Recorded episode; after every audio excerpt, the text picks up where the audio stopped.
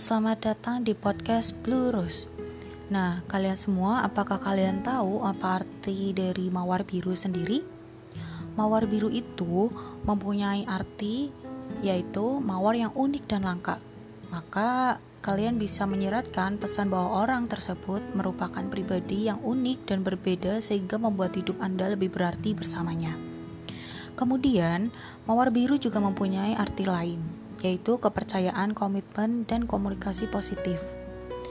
Dan selain itu, mawar biru juga mempunyai arti yaitu membantah ketidakmungkinan. Arti membantah ketidakmungkinan di sini adalah menyangkal bahwa sesuatu atau seseorang yang telah memikirkan bahwa kita itu tidak bisa melakukan apa pun, itu kita bisa melakukannya.